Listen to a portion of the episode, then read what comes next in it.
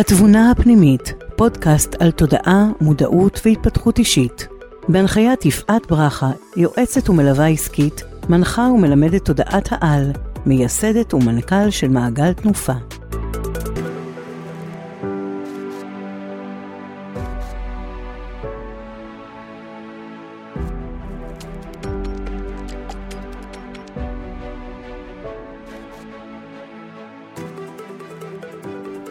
הבאות לפרק התשיעי של התבונה הפנימית, המקום שבו אנו מדברות על תודעה, מודעות, התפתחות אישית וכל מה שיכול לעזור לנו לחיות כאן חיים טובים יותר, מדויקים ובריאים.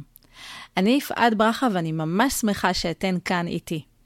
המידע שאני מביאה בפרקים השונים בפודקאסט הזה, לקוח בחלקו מתוך הספר שלי שנקרא פוקחת עיניים, וניתן לרכוש אותו באתר שלי, ומתוך תקשורים עם קבוצת הדרכה בשם תודעת העל, ואני מלמדת את המידעים האלה במסגרת קורס שנקרא תודעת העל. בפרקים הקודמים דיברתי על יצירת מציאות, ועל כך שאנחנו מייצרות עבור עצמנו את המציאות של חיינו, בין אם במודע, ובין אם לא. לכן, אנחנו תמיד נרצה לעבור לצד של המודע, ולשפר את החיים שלנו כאן באמצעות כלים מגוונים ודרכים שונות שעליהם אני מדברת בפרקים של הפודקאסט. חשוב לזכור, לעבור ממצב לא מודע למצב מודע זה עניין של תחזוקה שוטפת. אנחנו כל הזמן צריכות להזכיר לעצמנו שהרצונות, המחשבות והרגשות שלנו מייצרים בסופו של דבר את החיים שלנו, וחשוב שנהיה מודעות להם. ונשאל את עצמנו, מה אני רוצה? מה אני חושבת? ואיך אני מרגישה? אז, למי שלא הקשיבה לפרקים הקודמים, פרק 1 עד 8, אני ממליצה בחום להקשיב, מאחר ויש שם המון תובנות, כלים ודרכים ליצירת מציאות ודיוק בשימוש במשאבים האנרגטיים שלנו.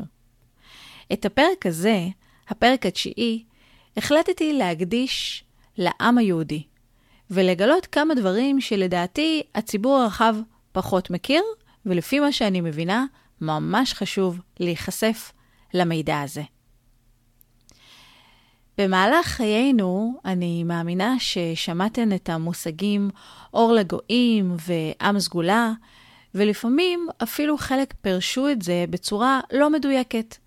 אולי חלק רואים את המונחים האלה מייצרים סוג של גזענות או עליונות, הפרדה בין העם היהודי לבין שאר העמים, ובאמת יש סוג של הפרדה ואנחנו נלמד עליה היום, אבל חשוב לי להדגיש שנושא הגזענות, נושא העליונות, ממש לא מדויק, כי אנחנו נלמד בפרק הזה שהעם היהודי הגיע עם ייעוד מאוד חשוב לאנושות כולה.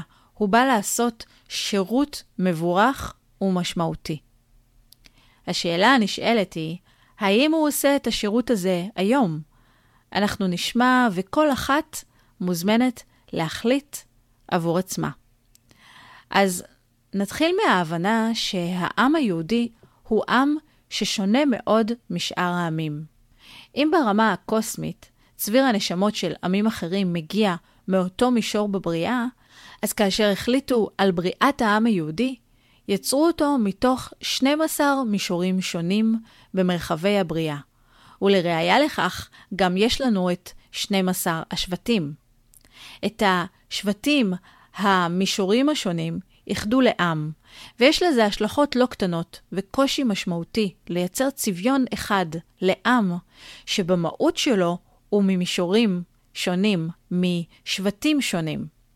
לכן, אנחנו חווים היום את השוני העצום הזה בתוך העם היהודי, שגם מקשה עלינו לייצר אחדות והרמוניה. זה בהחלט אתגר לא קטן. יש כל הזמן אקשן אצל העם היהודי, יש כל הזמן מחלוקות, ויכוחים. אנחנו רואים את זה במהלך כל ההיסטוריה של העם הישראלי-יהודי, מכיבוש כנען ועד היום.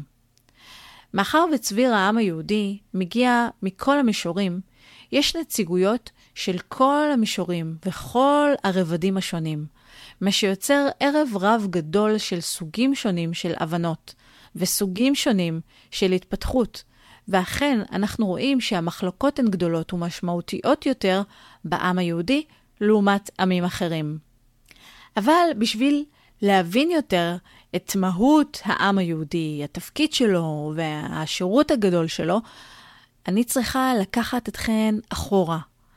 אז בואו נלך אחורה, המון המון שנים אחורה, עוד לימי אטלנטיס.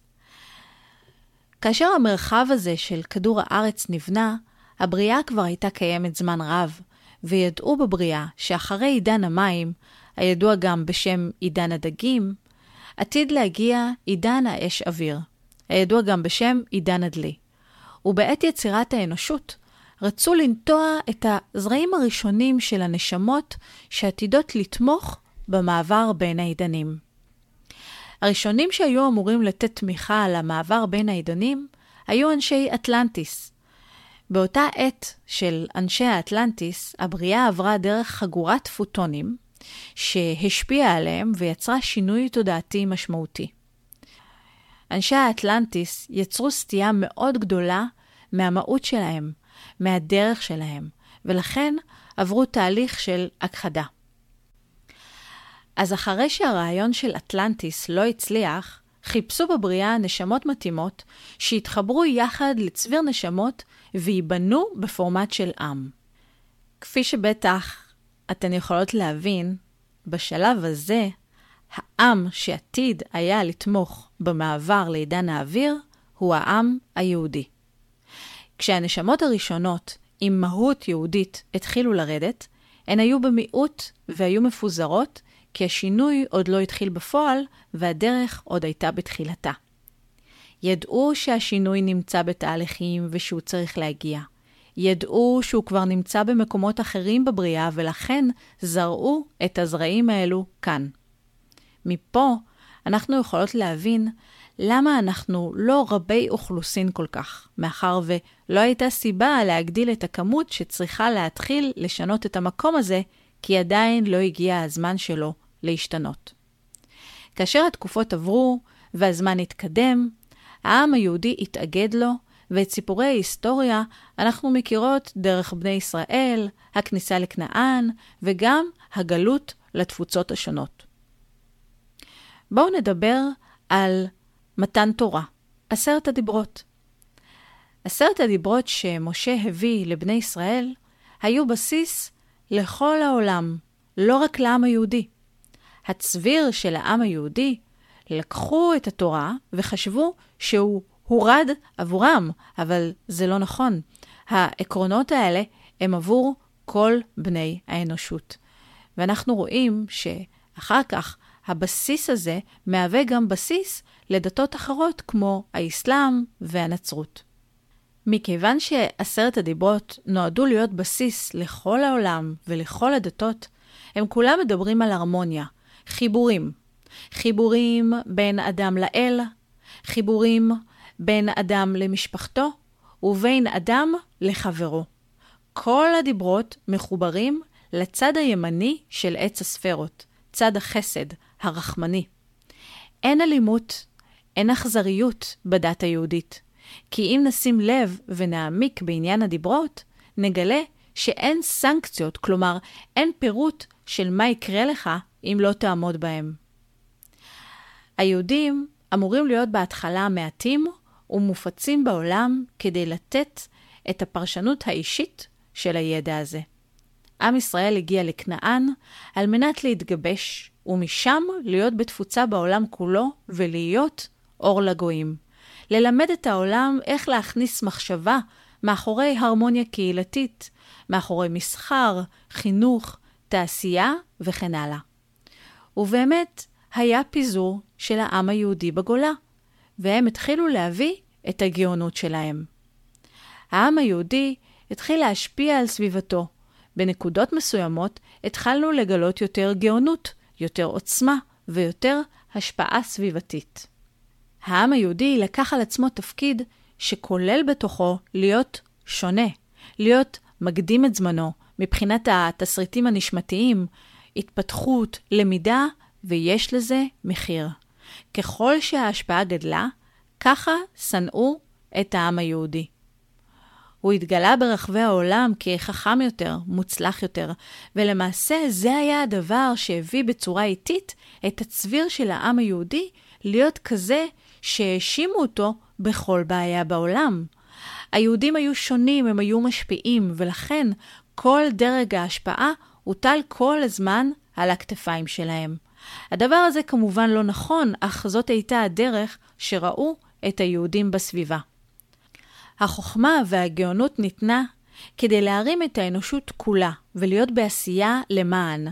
אבל יהודים רבים לקחו את זה למקום אישי. חיפשו איך הופכים להיות עשירים יותר, וזה התחיל לייצר סטייה. חלק מהיהודים רצו מאוד להיות כמו הגויים, וניכסו לעצמם מנהגים, שמות משפחה, תפיסות עולם, ביגוד וכדומה. זה רק הגביר והגדיל את עומק הסטייה מהייעוד המקורי. אז איך הגענו למצב שמעם מפוזר ברחבי העולם, אנחנו מתקבצים למדינה אחת? בשביל זה אני קופצת קצת קדימה, לשנת 2012. כן, כן, 2012. בשנת 2012 הייתה נקודת השינוי של העידנים, והיא נקראת רגע השקט בבריאה. שנים רבות לפני כן ידעו בבריאה שהנקודה הזאת עתידה להגיע, ולקראתה הבינו שכדי לייצר השפעה ולעזור לעידן החדש להיכנס, יש לקבץ יחדיו את העם היהודי כמו אגרוף אחד גדול ועוצמתי. וכך התחיל תהליך של קיבוץ הזרעים השונים למערך של עץ אחד גדול וחזק. התהליך הזה, כמו כל תהליך, לקח זמן. הוא היה איטי, עם בחירה של אותם אלו שירדו כל הזמן כזרעים. אותן ליבות מיוחדות שנשלפו מתוך תסריטי חיים מסוימים והופנו לכיוון עידן האש אוויר כדי להיות הראשונים כאן. הרבה מהליבות שנבחרו הן ליבות עצמאיות, והיה מאוד לא פשוט לרכז אותן ללפיד אחד גדול. הדבר היה מאוד קשה, ולכן לא כולם הסכימו לדבר הזה. מאחר ואנחנו נמצאים באזור של בחירה חופשית, אם המישור לא מצליח לשכנע, הוא לא יכול בכוח לעשות דברים. ולכן אנחנו רואים שעד היום לא כל היהודים נמצאים יחדיו בישראל, אלא יש עוד המון מפוזרים ברחבי הבריאה. אך מי שהסכימו, הגיעו ועלו ארצה. בואו נדבר על צמד המילים שכר ועונש. הרי בעם שלנו יש המון מכות, המון מלחמות, פיגועים, אלימות, יש גם המון דברים משמחים ומוצלחים. אז בואו נראה מה ההסבר של צמד המילים שכר ועונש מההיבט הגבוה מההיבט הבריאתי. חוק הבריאה אומר שמערכות של אנרגיה חייבות להיות ממומשות. כלומר, ברגע שאנרגיה מוענקת והיא לא ממומשת, היא למעשה יוצרת עודפים אנרגטיים. אותו דבר גם לגבי יכולת שניתנת לאדם כדי שישתמש בה וימיר אותה. אם אותו אדם מקבל יכולת ולא ממיר אותה לכדי מימוש, לכדי פעולה כאן, בשטח, הדבר יוצר חוסר שיווי משקל. מימוש אנרגטי נכון הוא אחד החוקים שהבריאה שומרת עליהם היטב, כדי שהאיזון הפנימי תמיד יהיה נכון. המושגים של שכר ועונש הם לא נכונים, כי לא קיים עונש ולא קיים שכר בצורה שאנחנו, בני האנוש, חושבים או מפרשים. מה כן קיים? מה שקיים זה תגובות אנרגטיות. הליבות שיצרו את צביר העם היהודי היו ליבות מאוד מפותחות בענייני העידן הישן, עידן המים, ולכן עצרו את הלמידה שלהם על הנושאים הקודמים ועשו הסבה לנושאים המתקדמים של העידן החדש, או כפי שאנו קוראים לו, עידן האש אוויר. האנרגיה שניתנה לליבות האלה של העם היהודי הייתה אנרגיה שלא התאימה עם מה שקורה סביב, כי שאר העולם עוד היה בעידן המים, העידן הישן. הדבר הזה יצר מצב שהאנרגיות שהיו לליבות האלה לא היו עבור נושאים אישיים שלהם, אלא לטובת הפיתוח הסביבתי. הליבות של העם היהודי חתמו על תוצר של שינוי מגמת העידנים בעולם, ולצורך זה העם היהודי קיבל את הגאונות והחוכמה, התושייה ויכולת ההמצאה, אני אגיד גם החוצפה הזאת שאני באופן אישי כל כך אוהבת. אך עלייה וקוץ בה.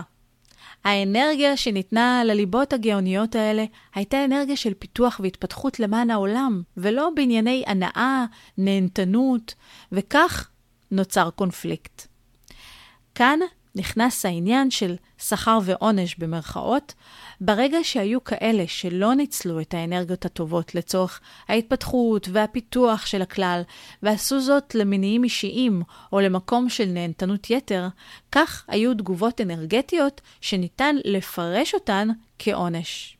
נוצרה יציאה מאיזון, נוצרו מערכות שהן לא שוות ערך מבחינת האנרגיה שניתנה אל מול מה שבוצע בפועל.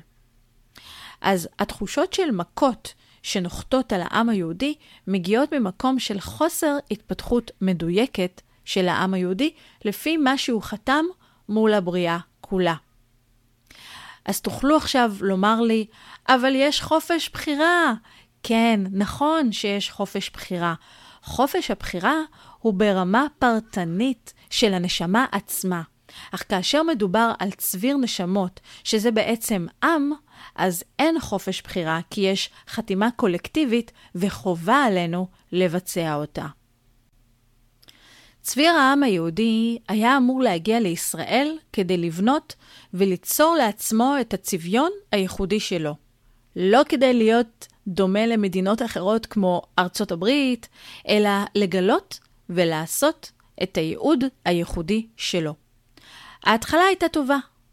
ב-20 שנה הראשונות של העצמאות של ישראל, עד בערך שנות ה-60, העם היה מדויק והוא קיבל המון תמיכה אנרגטית מול האויבים. הוקם פה גן עדן של תרבות ודמוקרטיה. בתחילת המאה הקודמת, הושתל בבני האדם מבחינה אנרגטית צ'יפ של הציונות, שיצר קריאה פנימית לבוא ולעלות ארצה. אני כמובן לא מדברת על צ'יפ פיזי, אלא צ'יפ אנרגטי. המהות של העם היהודי היא גדולה הרבה יותר מאשר טקסים או פולחנים דתיים, הרבה יותר מאשר השאלה אם אתה דתי או חילוני. העם היהודי הגיע בשביל להיות חוד החנית. בהובלה לעידן החדש, עידן האש אוויר, הידוע מבחינת המזלות, עידן הדלי. אנחנו לא אמורים להיות כמו עמים אחרים באירופה או בסגנון העם האמריקאי. אנחנו אמורים לשמור על הצביון הייחודי לנו לישראל. ועכשיו אני רוצה לדבר על הנושא החם חם חם, העם היהודי וצביר האסלאם. מה זאת האינטראקציה המורכבת הזאת בין היהודים למוסלמים? כשהבינו שצריך לייצר כאן את השינוי, כינסו ועדה במישורים וחשבו איך לשנות את האנושות. אז כשבחרו את העם היהודי, הבינו שהם ישנו את העולם, אבל הם צריכים לשנות את העולם דרך האינטראקציה עם עמים אחרים. וחיפשו מי יהיה העם שכאשר הוא ישתנה, אז ההשפעה תהדהד הכי חזק ברחבי העולם. ואני אשתמש כאן במטאפורה של כיתה עם תלמידים. ומתי שרוצים שהכיתה תעשה את השינוי הכי משמעותי? כאשר התלמיד הכי בעייתי או הכי קיצוני ישנה את דרכו. אז אם נמשיך עם המטאפורה הזאת, אז בעצם לקחו את התלמיד הכי חכם, לנסות לעזור לתלמיד הכי בעייתי. העם המוסלמי נמצא בתדר שהכי מחובר ליסודות המים אדמה, והכי פחות מתחברים לעידן החדש של אש אוויר. וכך בעצם נוצר החיבור בין העם היהודי למוסלמי. בשלב הראשון, היהודים פגשו את האסלאם במקומות מאוד מסוימים. לא היה קשר משמעותי, אבל כן היו נקודות חיבור. כאשר משה הוציא את ישראל ממצרים, העם הובא לכאן, לכנען, שהפכה להיות ישראל, כדי להתחיל להתאמן על העלאת התדר והבנות גבוהות, חיבור לאש אוויר, וכך הם המציאו את כל ההלכות ואת כל המידע החשוב הזה על איך צריך להתנהג. בשנת 622 לאחר הספירה, מוחמד ייסד את הדת המוסלמית, אחרי שהוא ראה והכיר את היהודים ורצה לייצר דת דומה, הוא ראה כי טוב. הם בעצם היו סוג של אב טיפוס עבורו. בהתחלה הוא טען שהוא לא מייסד דת חדשה וששליחותו בתפקיד נביא מצטרפת בעצם אל השליחות של משה וישוע ומשלימה אותן.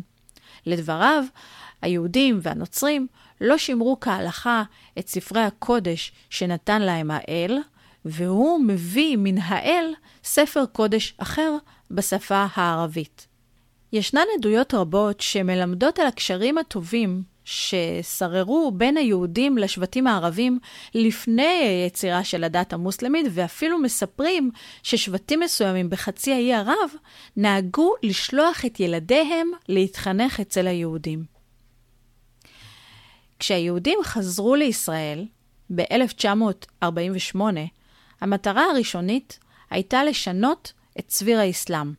לתת להם את הידע, החוכמה, הראייה הטכנולוגית, גם ראייה תודעתית גבוהה שדוגלת בהתפתחות, חשיבה ביקורתית, צמיחה. העם היהודי אמור היה לבנות אוניברסיטאות, ללמד דברים, לתת טכנולוגיות, כשהמטרה היא חיים בדו-קיום, כשהערבים אמורים להביא את הנושא של תפעול האדמה במקום הזה, והיהודים את הראש, את השכל. תודעת העל אומרת בתקשורים שלה, הייתם צריכים לכבוש את תודעתם ולא את אדמתם. לקיחת אדמות זה לא חלק מהמהות של היהודים, כמו למשל איך שהם החזירו את סיני, אבל תוכניות לחוד ומציאות לחוד. העם היהודי התחיל להתחבר לאדמה דרך המקום המימי, שזה מקומות קדושים, סיפורים על ארץ ישראל השלמה, חיבור יתר לפולחנים דתיים. אם נחזור לעניין המטאפורה של כיתה ותלמידים, אז אפשר לומר שהמורה לא התעורר לעצם היותו מורה, והתלמידים התחילו להתמרמר ולהשתולל. במקביל, נוצרה הסלמה והקצנה באסלאם, והגענו לנקודה הנוכחית. המוסלמים משחקים עם היהודים לפי כללי משחק שונים, ולכן אנחנו רואים כל כך הרבה אלימות שהיא מבחינה מערבית לא מובנת, כי הם משחקים לפי סט ערכים ועקרונות שונה לחלוטין. היהודים או הישראלי עדיין שבויים בקונספציה מערבית של קדושת החיים לעומת המוסלמים שמקדשים את המוות. משהו צריך להשתנות בראייה ובטיפול של המצב הזה. ומכאן אני רוצה לשאול שאלות כחומר למחשבה ולהשאיר את הנושא הזה פתוח. אשמח שתכתבו לי בתגובות של הפרק מה אתן חושבות. האם לדעתכן העם היהודי עושה את התפקיד שלו מול כל העולם? האם ישראל ידעה ליצור את הצביון הייחודי שלה? האם הדגש במדינה שלנו הוא התפתחות וקדמה? האם אנחנו מקדישים לכך תקציבים, זמן ומשאבים? האם ישראל באמת מהווה אור לגויים, ועיני העולם נשואות אליה? מבחינת חלוקת ההשקעה, כמה הולך לדברים כמו פולחנים דתיים, הם מול כמה הולך לנושאים כמו התפתחות, צמיחה, מחקר וחינוך המותאם לילדי האינדיגו, קריסטל, ילדי העידן החדש. לאיזה כיוון העם או המדינה הזאת הולכת. אני ממש סקרנית לשמוע את המחשבות, תובנות שלכן לגבי הנושא החשוב שדיברנו עליו בפרק הזה. מוזמנות לכתוב בתגובות איפה זה פוגש אתכן. אם מצאתן ערך בפודקאסט שלי, אשמח שתעבירו אותו הלאה לעוד אנשים ותעזרו לי להפיץ את הבשורה. תודה רבה על ההקשבה וניפגש בפרק הבא בהערכה ממני, יפעת ברכה. תודה שהאזנתן לפודקאסט התבונה הפנימית עם יפעת ברכה.